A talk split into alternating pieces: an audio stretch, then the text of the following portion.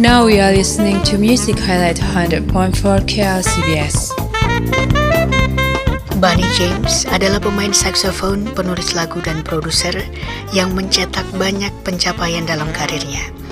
Ia pernah mendapat empat kali nominasi Grammy Award untuk album pop instrumental terbaik di tahun 2001, 2004, dan 2014, serta untuk Best Traditional R&B Performance tahun 2009.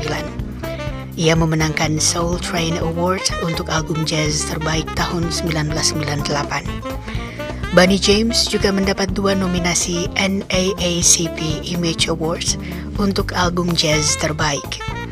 Sejauh ini, saksofonis bernama asli James Oppenheim itu sukses menjual lebih dari 3 juta album dan meraih 4 RIAA Certified Gold Records.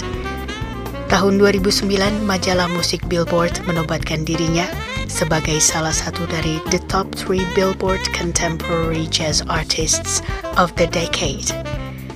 Tentang permainan musiknya, The Boston Globe menulis, Bunny James bukanlah pemain smooth jazz. Ia memang sering dikelompokkan bersama musisi seperti Kenny G dan Naji, tetapi musiknya berotot dan berani. For more music highlight, visit klcbs.net.